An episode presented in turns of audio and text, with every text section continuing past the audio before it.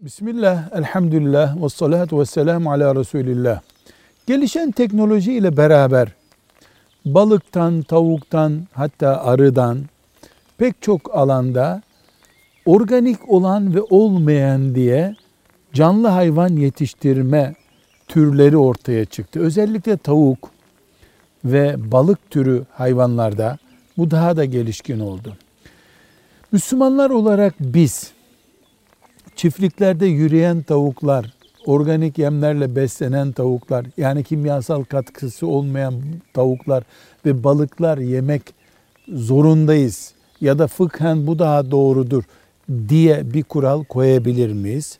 Cevap olarak diyoruz ki bu din boyutundan önce sağlık boyutu ile ele alınması gereken bir durumdur. Eğer filan havuzlarda yetiştirilen balıklar insan sağlığı açısından bir sorun oluşturmuyorsa normal deniz balıkları gibi onlar da tüketilebilir. Tavuklar için de geçerli, arı için de geçerli. Arının kendisi belki çiftliklerde üretilmiyor ama bala müdahale yapılıyor. Tereyağına müdahale yapılıyor.